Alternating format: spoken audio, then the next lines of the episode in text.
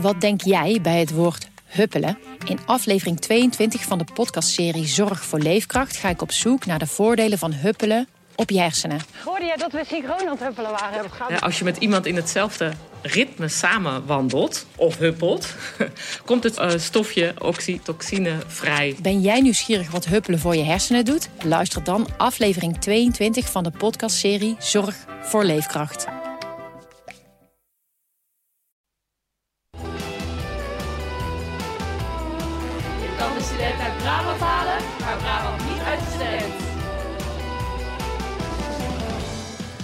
Bij weer een nieuwe aflevering van Giga Brabander. Ik ben Roos Rutte. En ik ben Fleur Broeders. Zoals iedereen weet is het tegenwoordig normaal om als studenten te zwemmen in schulden. Nou Roos, wat hebben we deze keer ontdekt? Ja, volgens de Landelijke Voedselbank kunnen studenten wekelijks een pakket opkomen halen. Maar in de praktijk werkt dit anders. Daarom hebben we gebeld met de Landelijke Voedselbank en Voedselbank Eindhoven. Goedemorgen, Voedselbank in Nederland met Adi.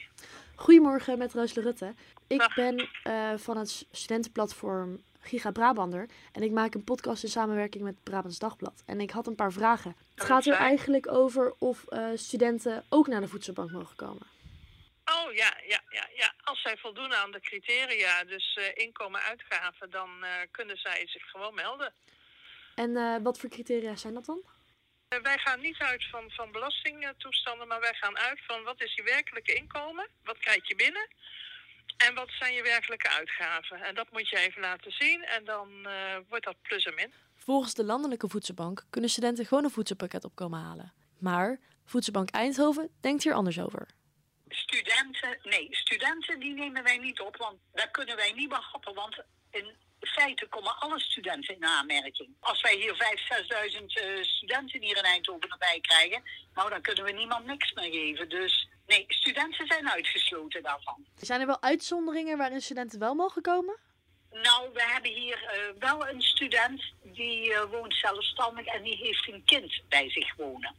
En als het nou een student het echt heel moeilijk heeft en, en niet meer rond kan komen, is er dan nog wel een uitzondering die er voor hun gemaakt kan Nee, worden? nee, nee, want waar trekken we die grens? Dus wij maken daar geen uitzondering voor. Ik weet niet hoe Tilburg dat precies doet. Dat, Oh, zou, oké, eh, dus het dat- kan- dat durf ik niet te zeggen. Dus het kan per voedselbank verschillend zijn. Het kan verschillend zijn, ja. Onze voedselbanken zijn eh, zelfstandig en maken hun eigen beleid ook. Ze, zij volgen het advies van, eh, van de landelijke vereniging. En ehm, weten studenten ook dat ze hier naartoe mogen komen? Want volgens mij is het vrijwel niet duidelijk dat zij eh, hier ook recht op zouden kunnen maken. Nee, maar wij, wij proberen wel mensen, eh, de groepen die, die eh, onder het sociaal medium komen, te, te bereiken.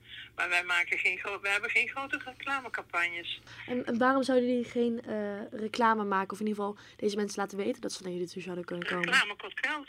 En daar hebben jullie niet genoeg geld voor. Nee, nee, nee. We hebben het even opgezocht. En een eenpersoonshuishouden moet minimaal 300 euro in de maand overhouden om in aanmerking te komen voor de voedselbank. Nou, noem maar één student op die dat lukt zonder een torenhoge studieschuld op te bouwen. We hebben ook gesproken met Voedselbank Tilburg en zij hebben hetzelfde beleid als Voedselbank Eindhoven. Ja, en daarom hebben we vandaag Joram van Velsen in de studio, voorzitter van de Landelijke Studentenvakbond. Nou, welkom Joram. Leuk dat je er bent. Ja, leuk dat je bent. Ja, wij vroegen ons eigenlijk af, ehm, waarom is het nodig dat studenten daar terecht kunnen komen? Eh, ik denk dat het niet voor elke student per se nodig is. Ehm, ehm, waar het mij meer om gaat en waar het ons ook meer om gaat, is dat het een principe kwestie is. Er zijn studenten die het gewoon heel krap hebben financieel, die het moeilijk hebben om rond te komen. Nou, als die die ondersteuning nodig hebben, dan zou dat moeten kunnen. Of je nou een student bent of niet. Ja, en je kan er dus terecht met de uitzondering, je hebt een kind, maar sluit je dan niet groepen buiten? Dan sluit je een hele grote groep buiten. Ik denk dat jullie en ik allemaal heel veel studenten kennen die geen, geen kinderen hebben.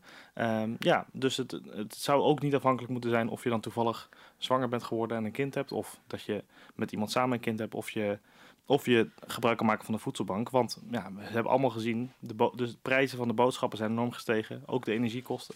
Ja, het is gewoon een stuk krapper deze laatste tijd. Ja, en ehm, zijn er ook nog andere opties waar studenten wel terecht kunnen voor die extra, eh, extra hulp? Ja, nou, er wordt vaak verwezen dat studenten dan maar meer kunnen gaan lenen. Hè? Want eh, als je eh, ingeschreven bent voor je studie, dan kan je studiefinanciering aanvragen. Maar dan zeg je eigenlijk, oeh, je hebt het zo zwaar, steek jezelf nog maar dieper in de schulden, wat je later eigenlijk terug moet gaan betalen. Uh, steek jezelf nog maar dieper de schulden, bouw nog maar meer op. Meer moeite om later een, een, huis te kunnen kopen, puur omdat het nu krap is. Ja, dat is gewoon ontzettend onrechtvaardig, ook vergeleken met uh, andere groepen. Ja, sommige gemeentes geven ook aan dat je bij hen uh, kan aankloppen voor financiële ondersteuning. alleen is dat ook andersom denken, voor wat, mij betreft. Um, niet elke student uh, vindt dat even gemakkelijk om aan te kloppen bij de gemeente. En dat zijn eigenlijk ook geen structurele ondersteuningen. Dus uh, er zou gewoon meer, uh, meer financiële ondersteuning moeten komen. Of je moet bij de voedselbank kunnen aankloppen. Ja, en moeten we dan niet, want de voedselbank nemen nu meer aan, mensen aan vanwege de crisis. maar die studenten worden nog steeds uitgesloten. Is dat niet heel scheef? Ja, nou kijk, en, en tegelijkertijd snap ik ook dat het in deze tijd, waar gewoon heel veel mensen het krap hebben, dat het uh, lastig is voor de voedselbank. Uh, dat, dat het ook gewoon voor hun krap is natuurlijk, omdat veel meer mensen daar gebruik van willen maken. Aan de andere kant zie je dat studenten op, op veel vlakken uh, worden uitgesloten. Nou, hier zit nu bij de voedselbanken. Je ziet het ook bij de energietoeslag. De studenten kunnen ook geen ondersteuning krijgen daarvoor. Um, en daar zie je dus eigenlijk dat één specifieke groep telkens maar weer het kind is van de rekening. en dat moeten we echt niet willen. Ook niet voor deze studenten, maar ook niet voor de generatie die straks de werkende zijn. En we hadden het net al even over die studieschuld. Want de tip is meestal leen even wat bij of ga maximaal lenen. Is er ook nog een tip om die studieschuld zo laag mogelijk te houden? Um, ja, kijk, um, ouders kunnen bijspringen. Hè? Dat wordt ook vaak gezegd. Uh, ja, hebt, uh, natuurlijk als ouders heb je ook een verantwoordelijkheid om financieel te kunnen ondersteunen. En dan zo hou je die leningen zo laag mogelijk. Je kan daarnaast ook nog werken om die lening zo laag mogelijk te houden. Um, en dat doen ook heel veel studenten wij zeggen wel, als je een fulltime studie doet, moet je niet meer dan 12 uur in de week naast je studie willen werken. Want dat is en nadelig voor je, voor je studievoortgang gewoon, maar ook voor je eigen welzijn. Je moet ook rust vinden in de week. Dus je kan niet eindeloos blijven werken naast je studie. Maar niet iedere student kan op terugvallen op de ouders of terugvallen op het werk. Nee, nee zeker waar. Zeker waar. Ook ouders die ofwel het gewoon financieel niet uh, kunnen bolwerken om, om bij te dragen, of mensen die gewoon geen contact hebben met hun ouders of, of geen ouders hebben. Um, dus je kan dat niet zomaar tegen elke student zeggen. En, en daarom moet er ook een andere ondersteuning zijn. Ja, dus, uh, en die zijn er dus nog niet echt? Uh... Nog niet echt, nee. En, en dat zou wel echt moeten, moeten gebeuren. Nou, nou, we hadden het dus net al even over die studieschuld. Fleur is voor die studieschuld de straat op gegaan. Dat klopt, want wij wilden natuurlijk even polshoogte nemen bij de studenten. Want hoe erg variëren die studieschulden en zien ze de toekomst eigenlijk nog wel een beetje zitten? Waar zit jij nou? Weet jij dat? Hoe doe je dat? Wat vind je er dan van? Dat vragen wij op straat. Um, hoe hoog is jouw studieschuld? Mijn studieschuld is denk ik rond de 4.000 à 5.000 euro op dit moment. Uh, valt volgens mij wel mee vergeleken met andere studieschulden. Ik zit nu op een 3200 ongeveer. Ik zit nu denk ik rond de 3000 euro studieschuld. Ja, volgens mij al boven de 25.000. Ik studeer pas twee, drie jaar, dus... Dat is aardig hoog. Ja, als ik hier nou nog een huis wil kopen, dat zit niet echt mee, nee. Dat, uh... Maak je ook een beetje zorgen dan om die schuld? Ja, als ik zo zie wat nu tegenwoordig alles kost en zo en dat het echt alleen maar duurder wordt, dan kan ik me daar inderdaad wel zorgen over maken. Dat ik denk van ja, dan wordt het wel echt flink uh, bijpoten.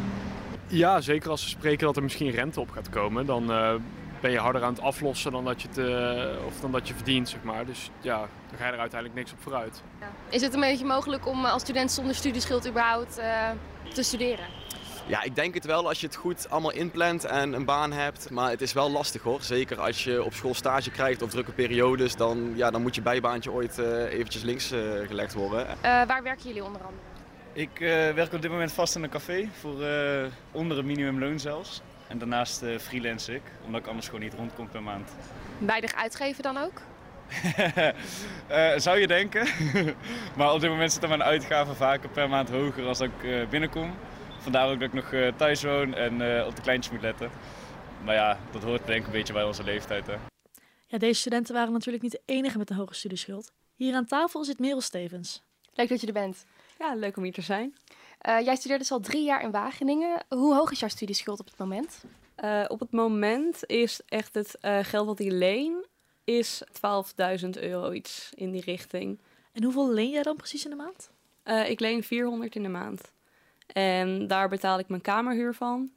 En mijn ouders betalen nog wel mijn collegegeld. Dus dat is wel heel fijn. Dat heeft wel, ja, ik denk dat ik daar echt wel geluk mee heb. Ja, voor de rest, ik werk ook daarnaast. En van dat geld kom ik eigenlijk rond in de maand. En als ik, en als ik vraag of jij dan in aanmerking zou komen voor de voedselbank, val jij onder die 300 euro aan het einde van de maand? Ik denk het wel.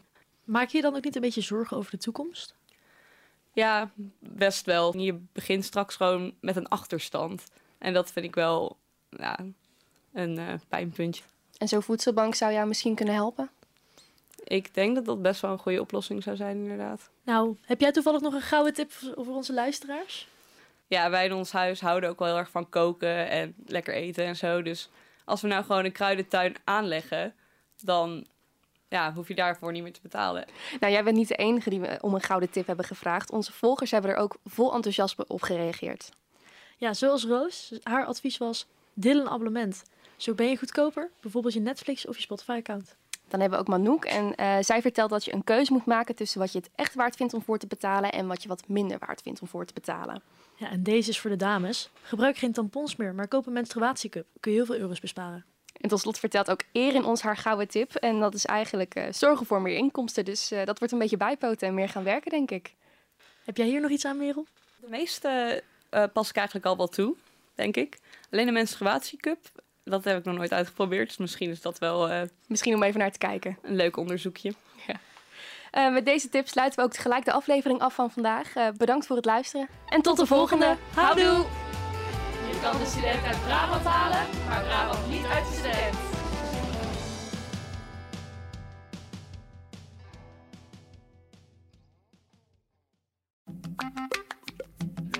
Wat denk jij bij het woord huppelen? In aflevering 22 van de podcastserie Zorg voor Leefkracht ga ik op zoek naar de voordelen van huppelen op je hersenen. Hoorde jij dat we synchroon aan het huppelen waren? Ja, als je met iemand in hetzelfde ritme samen wandelt of huppelt, komt het uh, stofje oxytocine vrij. Ben jij nieuwsgierig wat huppelen voor je hersenen doet? Luister dan aflevering 22 van de podcastserie Zorg voor Leefkracht.